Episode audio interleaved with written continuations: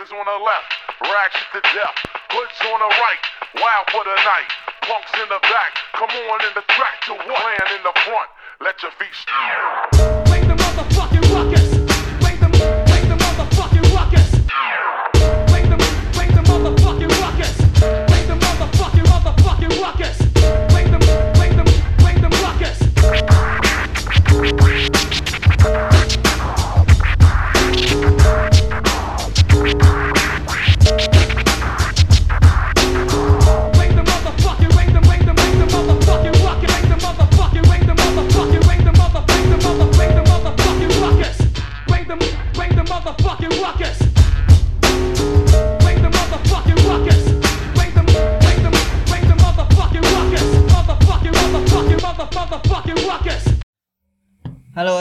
Selamat datang kembali di Serang Balik Podcast. Podcast produktif.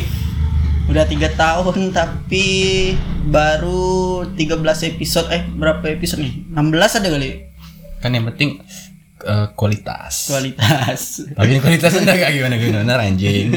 Masih gini ya audionya masih pakai HP kan? HP masih pakai aplikasi Dolby. Gila lama kita Nggak ini nih, nggak ngerekam. Terakhir tahun lalu kali ya. Lalu? Eh Udah lupa dah.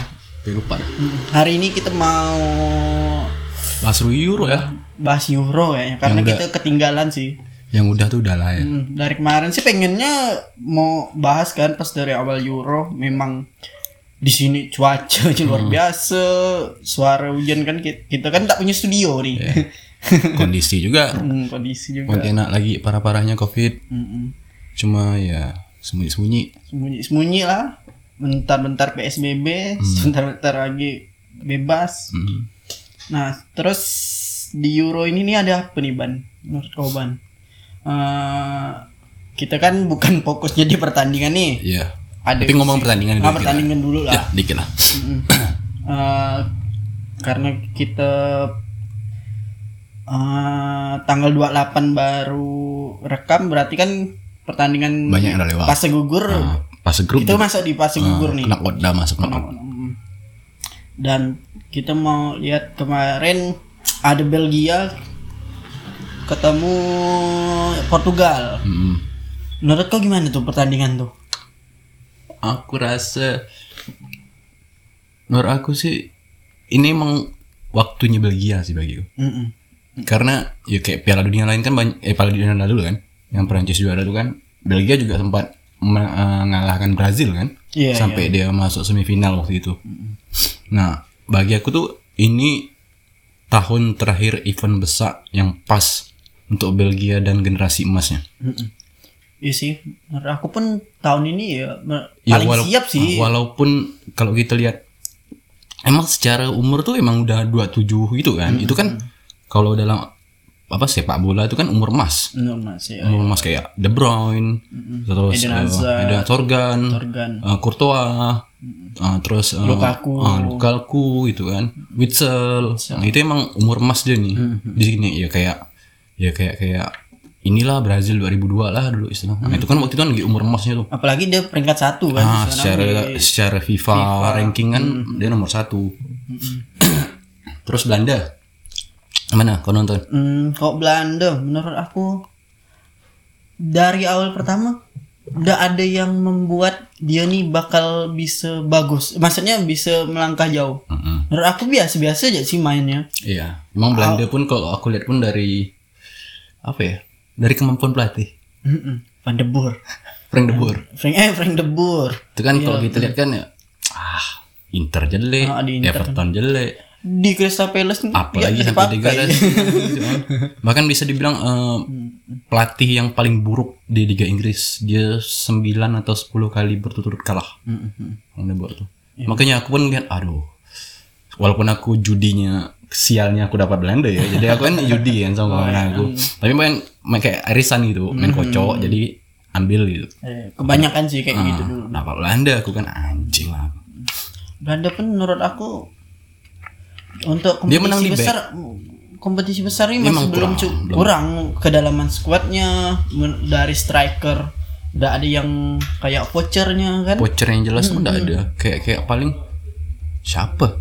Mengandalkan Luke de Jong? Itu pun udah tua kan itu mana belum belum ada regenerasinya itu kurangnya Belanda tuh di regenerasi ya regenerasi bagian depan lah. Untuk lini belakang tuh udah top sekali sih bagi aku ada The Frage ada ada lag yang bodoh bala dia ngira itu dia di Serie A tuh dia kalau di Serie A kan nggak mungkin kena merah merah Iya, wasitnya kan agak-agak ini. Itu Tapi memang rusak sih sekali kartu merah. Memang Iya emang emang mental, Mental. Iya karena mayoritas kan pemain banyak pemain muda juga. Jadi mental tuh ngedong langsung. Sabar-sabar lah pemain Belanda nih. Untuk mungkin Piala Dunia lebih jelek mungkin. mungkin mungkin mungkin gagal masuk itu gagal kualifikasi. Wales kemarin juga Ah Wales tuh bagi aku ya lumayan lah.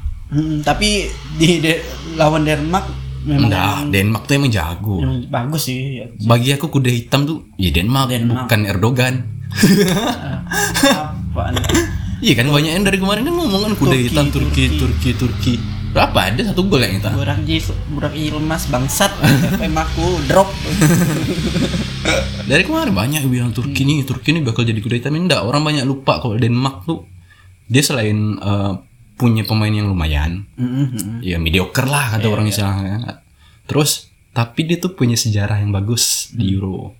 Kayak 9 berapa yang 92 ya? Iya ya. 92 yang juara walaupun tanpa Michael Laudrup waktu itu. Mereka tuh kayak kayak gimana ya? Kayak punya Denmark tuh kayak punya tradisi eh, kalau ada pemain intinya tuh nggak main, justru ngeboosting squad yang lain, tim apa orang pemain-pemain lain.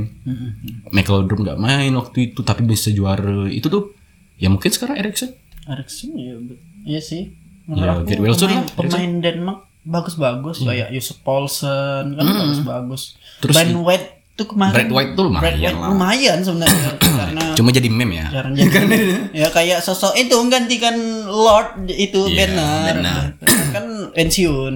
Iya tapi menurut aku Denmark ketemu Austria. ya? Ya, eh enggak lah. Eh, Denmark ketemu siapa? Bentar, bentar, bentar aku cek dulu. Kok tak salah aku Denmark ketemu Austria lah.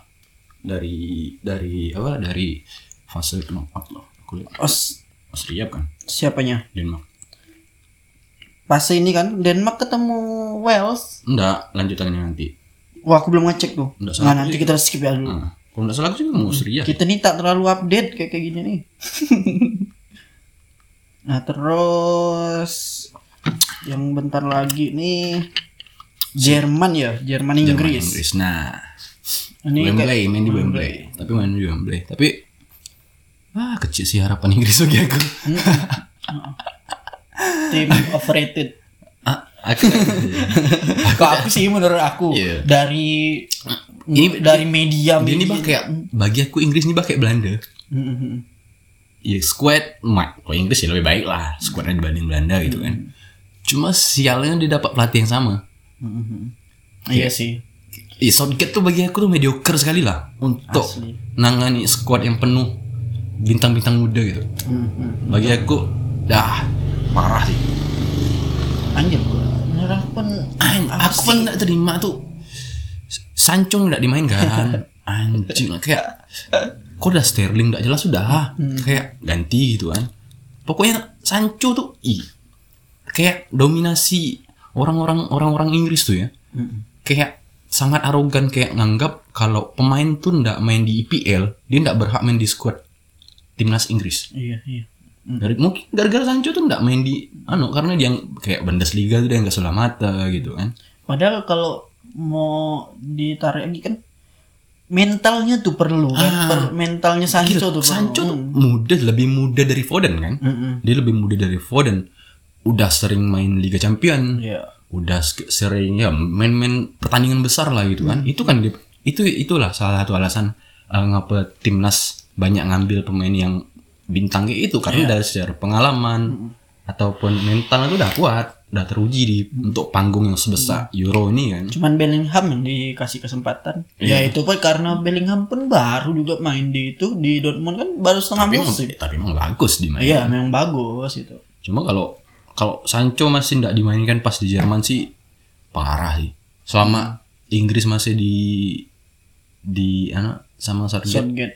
Ya tidak bakal mentok-mentok ya Inggris bagi aku mentok-mentok di semifinal lagi lah. Sampai semifinal tuh udah wah lah gitu. Tapi tidak kecil lah temu Jerman soalnya Oh iya, susah. Jerman tuh kolektivitasnya luar biasa Nah, sih. Jerman tuh- Menurut aku walaupun belum sempurna-sempurna bener kayak tahun-tahun sebelumnya kan mereka dominasi jadi piala apa? juara Juara Piala Dunia. finalis Hmm, finalis kan finalis.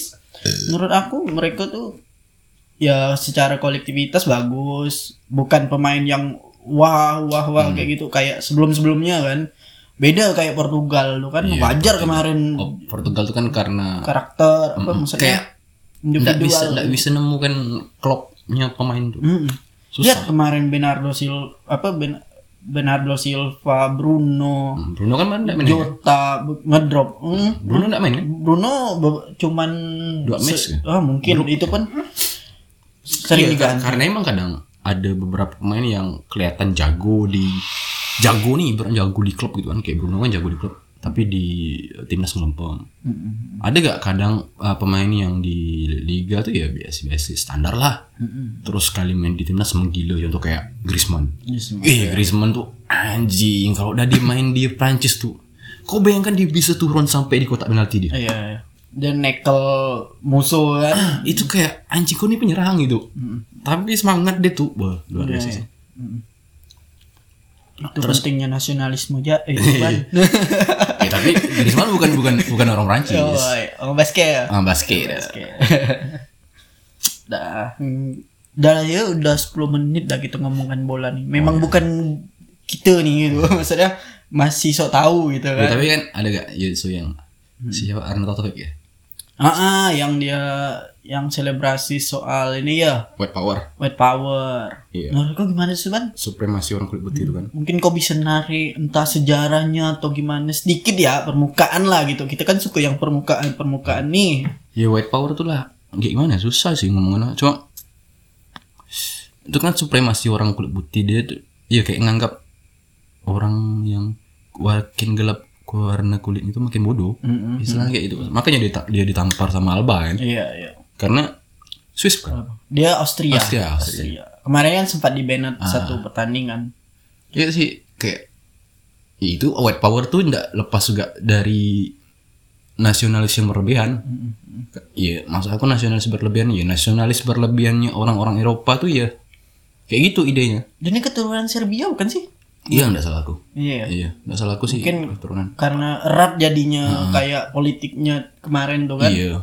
Ndak ndak lepas lah ya kayak isu sama Albania sama Albania sama ini Aljazair ya? Eh? kan yang kemarin Piala Dunia ya.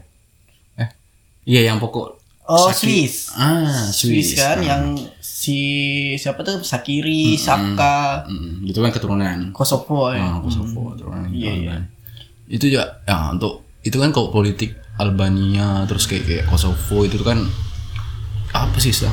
Balkan lah konflik bagian Balkan tuh emang ribet untuk memahami itu tuh bisa ditarik sampai perang dunia pertama Hmm, karena perang dunia pertama itu terjadi karena konflik di Balkan Oke, oke. ribet masalahnya gitu kan Balkan Permasalahan. Intinya lebih kayak white supremacy ya Iya. sih kemarin tuh. kayak dia nganggap kayak karena kan di di apa nama di eh, di Eropa tuh kan lagi lagi juga parah parahnya mereka soal ya ultranasionalis ultranasionalis itu lah Terus kayak di sini N- NKRI gak kontol tuh Dan terus kita mau ke ini soal Hungaria nih. Hmm. Kan lagi yang dari kemarin tuh kan dia di Bu- di mana sih Bukares ya? Apa sih? Iya. Nama Budapest, Budapest. Stadion ini. Stadion Puskas. Mm-mm. dia yang paling 80 ribu maksudnya penuh ya penuh selama selama pandemi udah sekitar hampir 2 tahun nih kan memang nggak ada perbolehkan keramaian. uh, keramaian. Ini udah ini udah mulai Aku nggak tahu sih, nggak mengikuti soal Hungari kayak gimana sih. Siapa nama? Or V anjing siapa nama? Pernah presiden lupa aku Victor Or Obra. Orbo eh entahlah siapa. Victor apa gitu lupa aku namanya. Ya ini katanya sih orang yang diidaman ka- diidolakan orang-orang apa sayap kanan di Amerika katanya. Ya, ya emang pasti sih. Banyak di eh, Eropa Timur tuh banyak tendensi ke pasti sih.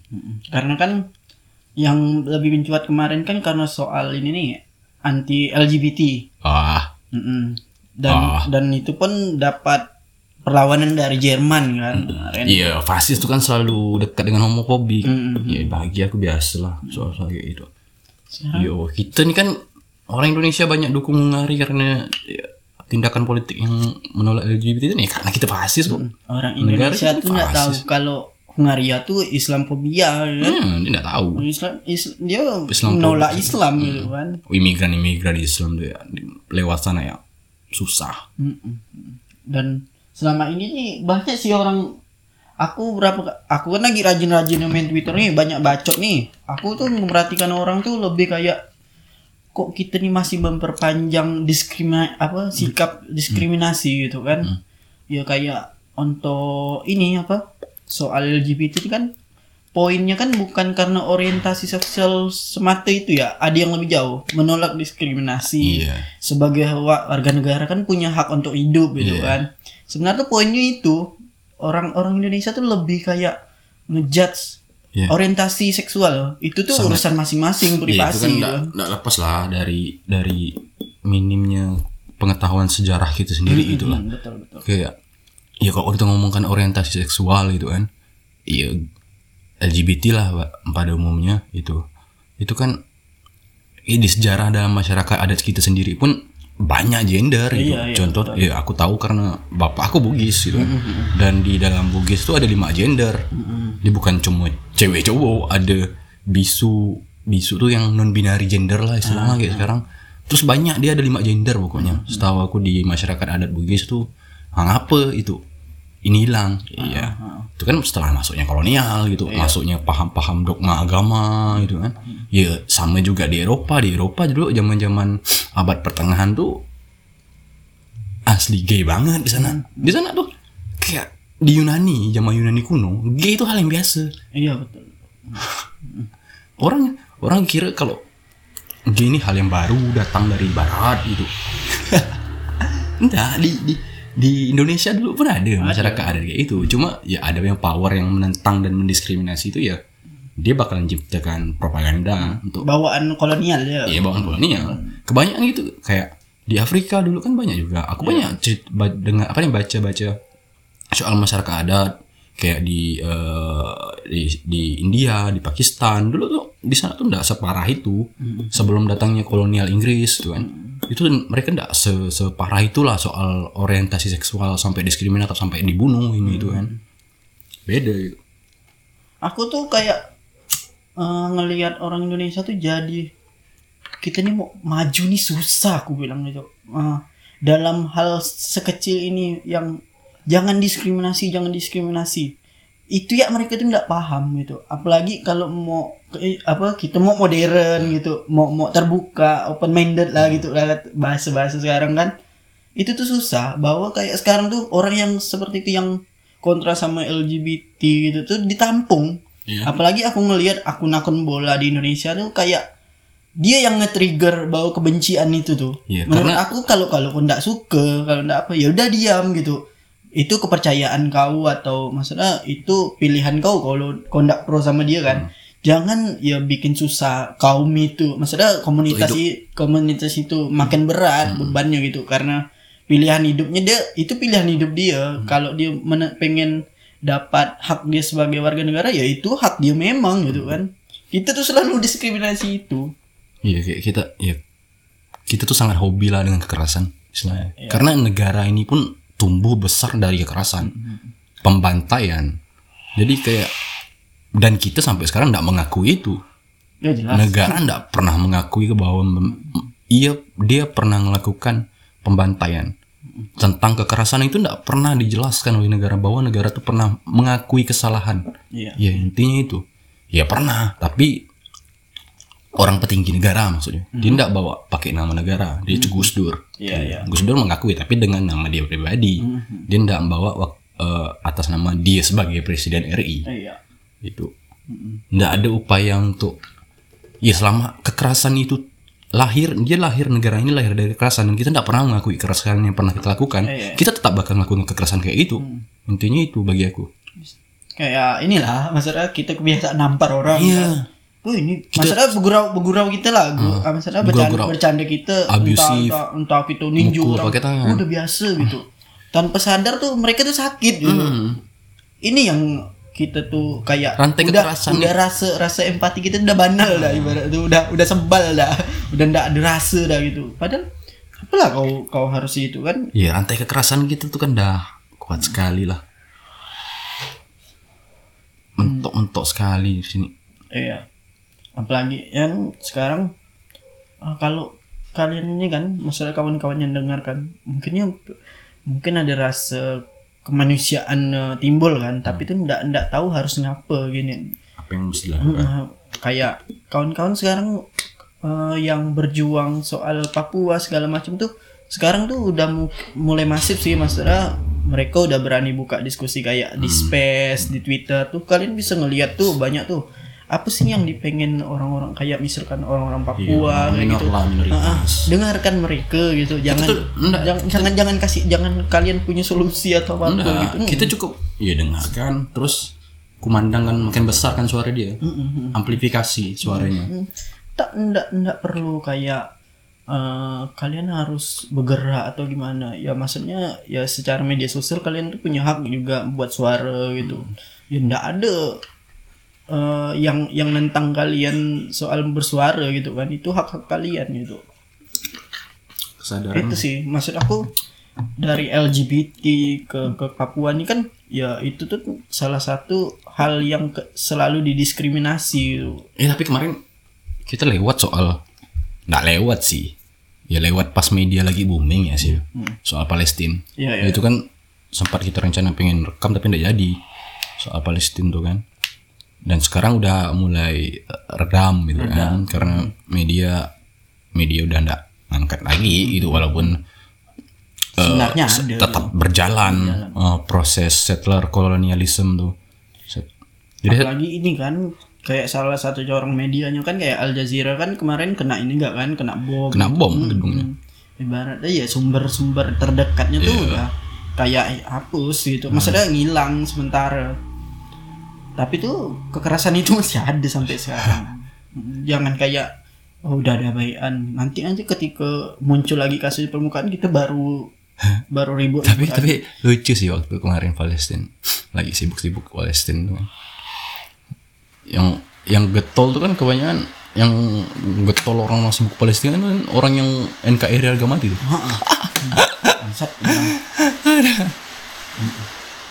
Dan mengidolakan Erdogan. Oh ada Erdogan nih berbuat apa maksudnya orang paling keras tentang itu.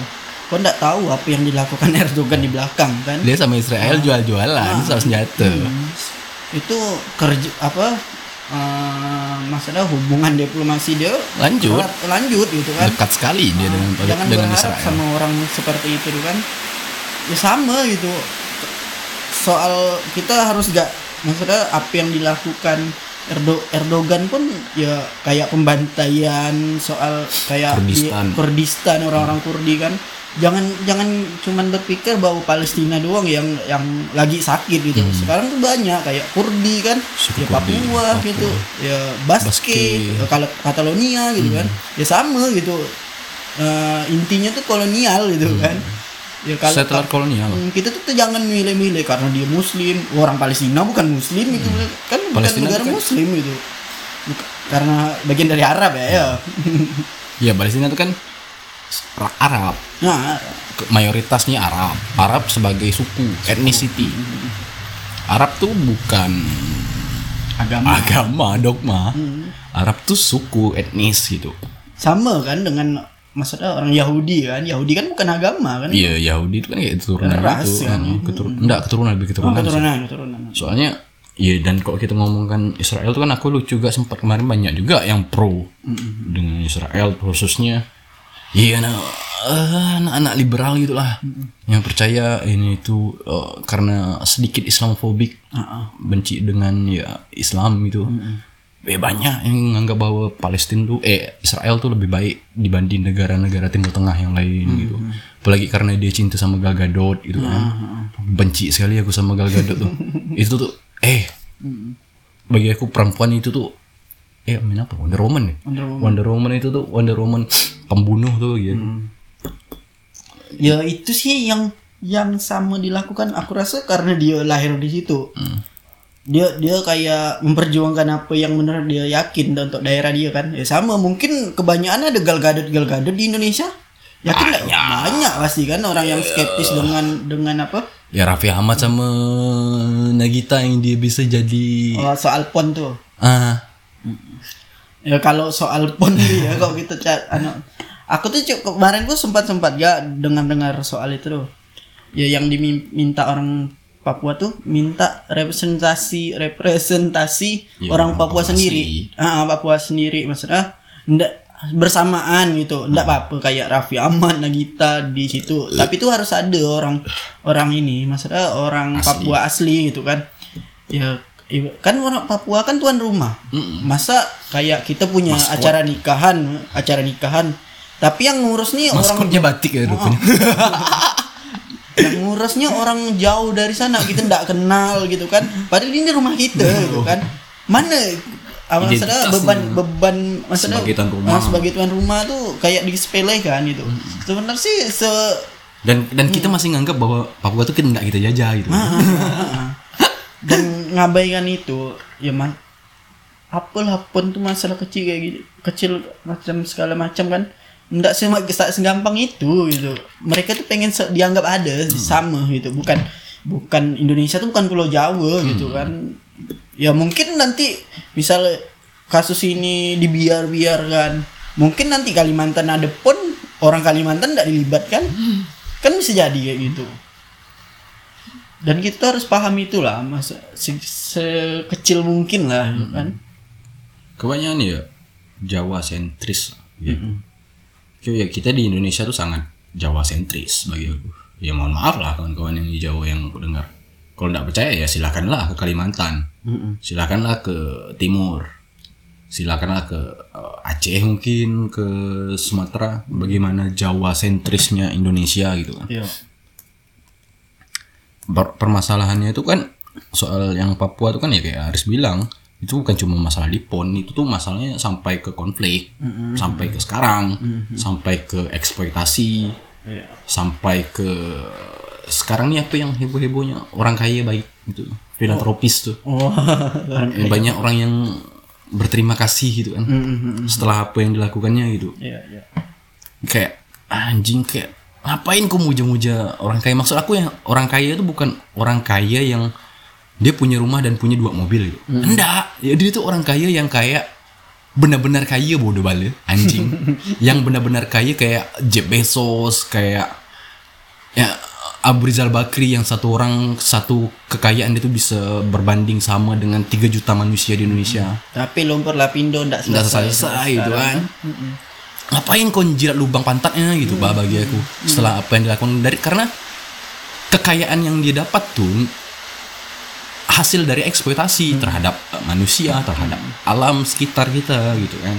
Itu bukan datang dari tiba-tiba ya dan kekayaan itu tuh sifatnya ada asal muasal iya iya. Nggak mungkin kekayaan itu datang tiba-tiba gitu kan. Nggak ada. Lagi berak Ah, kan, lagi tahu-tahu, datang, eh, dari kloset kan dan mungkin. untuk mengakumulasi kekayaan gitu kan itu kan perlu ekspansi. Ya sifat kapitalisme itu kan ya kayak kanker. Iya iya. Dia tuh bakal ekspansi dari satu eh, jaringan tertentu ya anggaplah industri dia bakal masuk di sini udah habis dihisap sini dia bakal pindah lagi. Contoh kayak eh, di yang kita rasakan lah di soal eh, pertanian di sini itu kan awalnya karet. Iya karet booming booming booming ada 20 tahun 30 tahun eh pertama logging. Mm-mm. Yang kami rasakan di Kalimantan Barat tuh logging parah lu tahun 90-an 80-an itu logging parah. Di mana-mana hampir semua ada pabrik logging Iya. di, di Pontianak. Lalu berubah dia jadi karet. Karet. 20 tahun bertahan karet tak jadi sawit. Sampailah sekarang. Nah itulah dia sifat kapitalisme. Dia sifatnya kanker. Macam mana pun dia dia bakal dia bakal eh, pindah ke lainnya untuk ngisap itu semua menghancurkan sistemnya. Dia bakal pindah lagi yang lain karena cara begitulah mereka hidup dan cara begitulah orang-orang yang super kaya itu mendapatkan kekayaan dan kita ngebangga banggakan dia kan Mhm. Mm-mm. kayak kayak sekarang kita tuh udah dapat ini ya apa maksudnya eh sampah-sampahnya dari kapitalisme tuh Iya. maksudnya kita ngerasakan cuaca ngerasakan bencana kayak Iya. gitu bencana tuh bukan semua mau Tuhan menurunkan gitu ya yang kau percaya Tuhan Nah, enggak yang- gitu. Maksud yang aku justru yang aneh itu bagi aku orang yang banyak ngebela uh, filantropis orang-orang kaya yang baik itu istilah itu ya justru orang-orang yang sangat dekat dengan Tuhan. Iya iya. Hmm, betul. Entah karena kita diajarkan terlalu pasrah atau kondisi yang ngebuat kita menjadi sangat pasrah itu aku nggak tahu. Ya bagi aku kondisi membuat kita menjadi sangat pasrah. Ah, iya. kita menganggap ya kita tuh lebih mudah ngebayangkan dunia ini hancur dunia ini uh, climate change perubahan daripada kita ngebayangkan untuk mengubah suatu sistem ekonomi yang lebih baik dan lebih adil untuk semua orang. Kita tidak bisa berimajinasi di situ tapi kita bisa mikirkan kalau keadaan bakal hancur lebur. Ya bagi itu kata-katanya Zizek eh, lebih mudah membayangkan hancurnya dunia dibanding runtuhnya kapitalisme. Ya kayak itulah kita orang-orang itu sekarang. Kita dalam kondisi pandemi eh, farmasi-farmasi itu diuntungkan eh, sistem perbankan justru makin dapat uang makin banyak gitu. Terus e-commerce e-commerce makin diuntungkan dengan merger itu eh, pemusatan eh, kapital istilahnya. Eh, merger iya gitu kayak kan. ini ya Gojek jadi, Ah, jadi merger. Go- ah, gitu. kan. Iya bagi aku dalam dan kita ya udah pasrah. Kita sangat pasrah. Ya bagi bagi aku tuh kan di situlah harusnya negara tuh ada untuk menentang kekuatan kapital. Tapi sialnya negara uja, ud- juga udah dimasuki oleh kanker itu malah sejalan Iya, sekarang kan? malas jalan dan isinya orang-orang itu Heri Tanu, Abu Rizal Bakri, Megawati, orang-orang tambang, orang-orang sawit, mereka udah semua. Lalu kita menganggap ya bahwa negara ndak ndak ngapa-ngapa ya karena negara punya dia kasarnya kayak itu. Negara ya. Negara dalam arti institusi itu punya dia. Tapi negara secara kepemilikan tanah itu masih milik kita selama kita masih mampu menentang mereka untuk masuk. Iya. Seperti itulah yang dilakukan sama masyarakat adat. Sampai saat ini. Hati-hati ban. Kita dia bilang iri nanti ban. Katanya orang-orang kiri itu iri? Eh, banyak iri. Ya aku iri. Aku, Padahal- aku iri tetangga aku ndak bisa dapat kesehatan. Aku iri ngapa uh, orang-orang di dekat rumah aku dibiarkan bodoh. Aku iri ngapa orang-orang di gang aku ndak dapat pendidikan yang baik.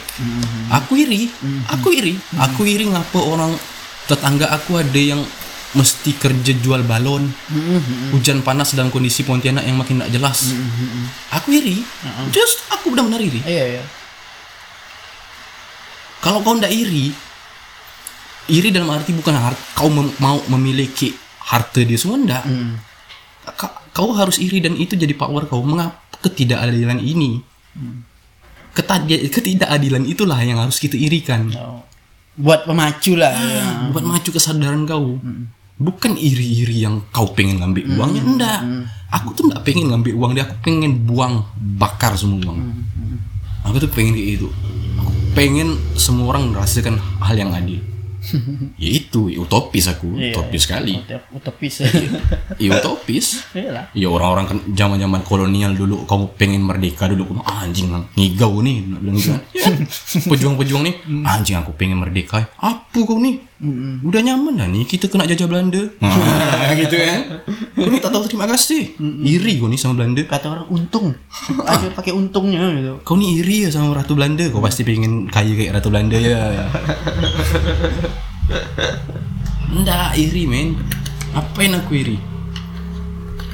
Iri dengki. Ah kau Cek bener dengan dogma-dogma agama tuh. Oh. Sekarang tuh kalau kita bikin narasi apa? Soal kayak kayak ngeritik entah pemerintah tuh dibilang kita iri. Maksudnya gini, tidak semua orang mau belajar sosial politik lah apa yang aku tweet tadi kan. Buat kita nih cuman cuman bisa mungkin mudah-mudahan bisa jadi corong buat orang kan karena orang ndak mungkin ndak ada minatnya di situ. Tapi dia ngerasa kondisinya kan. Sela- Relate. ah, relate gitu. Ya kayak kita walau kita di kota kan kita tuh bisa nyuarakan itu. Ya sekarang kita mau ngomong kayak gitu ya dipotong sama iri lah onani intelektual lah. Ya ndak segampang itulah gitu. maksudnya ndak seenak-enak aku ngomong kayak gitu. Kita punya usaha berarti kita sadar itu. Ya sampai sekarang ya kita tuh harus sadar kelas lah itu. Jangan jangan ada tuh kata stand up comedy tuh apa masa orang miskin ndak solid kata dia orang kaya ndak maksudnya Justru orang kaya sangat solid. Kesulitan orang-orang yang super kaya itulah yang iya kak. Maksudnya mungkin bagi aku aku nangkapnya tuh kita nih yang sama-sama susah, sama-sama miskin, sama-sama dieksploitasi, itu ndak punya kesadaran, itu yang menghilangkan rasa solidaritas itu. Kita tuh ndak sadar karena apa? Karena di dalam sistem kapital tuh kita terbiasa untuk makan satu sama lain. Kita yang di bawah ini dipaksa untuk berakkan geludah satu sama lain untuk bisa manjat ke atas. ya kayak itu kan. Iya. miskin tak solid lagi ya Sa- saling makan orang sekitar gitu. kita tuh sama-sama kayak struggle gitu kan Ya udah rangkul, emang. jangan ditinju, jangan didorong, jangan di ya udah rangkul, dengarkan. kita tuh masih bisa hidup kok Ah, tanpa negara aku masih hidup kok. Aku udah pernah lihat orang hidup tanpa negara, Rib- jumlahnya ratusan ribuan orang. makanya kita turun ke desa gitu Nah, kau lihat, kita harus lihat karena selama ini narasi yang dibuat oleh negara soal desa itu selalu soal kebodohan, kemiskinan, kebarbaran, ketidakaturan. Itu yang selalu dipandang kacamata eh, kota terhadap desa. Kita selalu menganggap orang desa kayak gitu ya. Iya. Sangat-sangat sangat-sangat melemahkan kesadaran kita bahwa mereka tuh lebih baik, lebih maju dibanding kita. Bagi aku lah. Iya. Apalagi kayak sekarang tuh walaupun mereka bikin arisan kayak gitu, mereka tuh seolah-olah udah ngebantu mereka dengan apa? Dana desa. Iya. Sekali ku aku pernah turun di suatu daerah tuh. Dana desa tuh jadi rebutan sama perangkat-perangkat desa Iya. yang lain. Menurut aku kau tuh tidak semudah itu ngasih duit udah lepas tangan. Iya. Ya orang desa tuh butuh edukasi. Yang yang kau bilang bodoh tuh bukan berarti bodoh. Maksudnya mereka ini tidak tahu pengen berkembang se- secara Hmm. cara mereka mengelola tuh beda dengan cara negara mengelola. Ya, tau lah birokrat negara tuh kan bertele-tele ngurusnya ini tuh mesti. Kau nak ngurus tanah mesti bawa ke BPN, bawa ini, bawa capil, ini, itu kan? Ah iya, iya betul. Iya kalau cara orang desa, oh dia ini di musyawarah kan? Karena dalam bentuk eh, mereka tuh lebih kecil, lebih desentral gitu, makanya lebih cara mereka tuh nggak bukan nggak nggak nggak bodoh, nggak tahu caranya. Mereka tuh lebih ya beda dengan cara mereka bermasyarakat istilahnya. Hmm. Kemarin kan ada tuh, ada kayak petani sahang tuh. Aku pas ngobrol sama dia, dia sampai ngomong gini, udah susah jualan nih kata dia dapat harga pun segini kata dia. Ya sekarang tuh pengen ya dicarikan siapa ke perusahaan yang yang mau ngambil kecil-kecil lah, yang penting ngambil semua. Iya, sampai pasrah. pasrah, pas sampai pasrah kayak gitu. Ketika tempat mereka tuh udah udah mungkin didekati dengan sawit gitu kan. Udah pasti. Mm-mm, kayak kayak gitu. Menurut aku mereka tuh udah mulai rasa terancam gitu kan. Ya Ya kan emang kayak gitu. Contoh kayak ah, daerah yang nggak nolak sawit itu kan nggak dibangunkan jalan. Kalau di Kalimantan nih. Contoh kayak di Sungai Uti kan kayak gitu. Mereka nggak mau, nggak dibangun jalan ujung-ujungnya. Nggak dibangunkan listrik. Nggak dikasih listrik ujung-ujung mereka mereka sendiri yang berusaha untuk gimana cara kita dapat penerangan malam hari.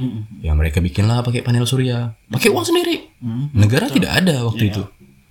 memanfaatkan alam juga kan. Ah, kayak itu.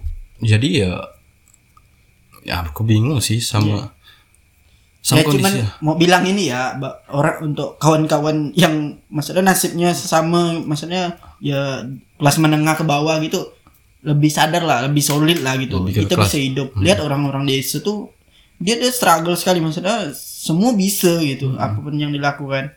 Kita kan kita punya naluri bertahan hidup bah. Alamiah tuh kan ya Tapi bat- naluri itu tuh mulai hilang saat ah, si manusia itu udah ndak dekat lagi dengan alamnya. Contoh kayak yang paling aku rasakan karena aku tinggal di pinggiran Sungai Kapuas. Mayo- mayoritas eh, orang yang tinggal di pinggiran Sungai Kapuas udah ndak lagi bergantung hidup dari sungai. Dalam arti seperti nyari ikan, buat makan, mandi. Karena apa? Itu udah digantikan dengan adanya masuk PDAM. Beli makanan di pasar terpusat kayak Lamboyan. iya Nah, otomatis si orang ini dia ndak bakal beranggap eh, bukan bukanlah nganggap sakral dengan sungai ini. Jadi mereka tidak peduli kayak mau sungai ini dicemari oleh perusahaan gitu. ataupun mau eh, sungai ini kita buang sampah sembarangan. Dia tidak peduli karena apa? Dampaknya tidak kena ke dia. Contoh kalau dia masih bergantung, dia masih mengharapkan adanya eh, eh, ikan-ikan, gitu. mereka tidak mungkin buang sampah. Tapi karena mereka tidak makan dari situ, ya udah. Mereka tidak mandi dari situ, ya udah. Ya sekarang mau beli kan apa? Iya. Kita di, di itulah yang dibuat kita lebih dibuat semakin konsumtif sebisa mungkin.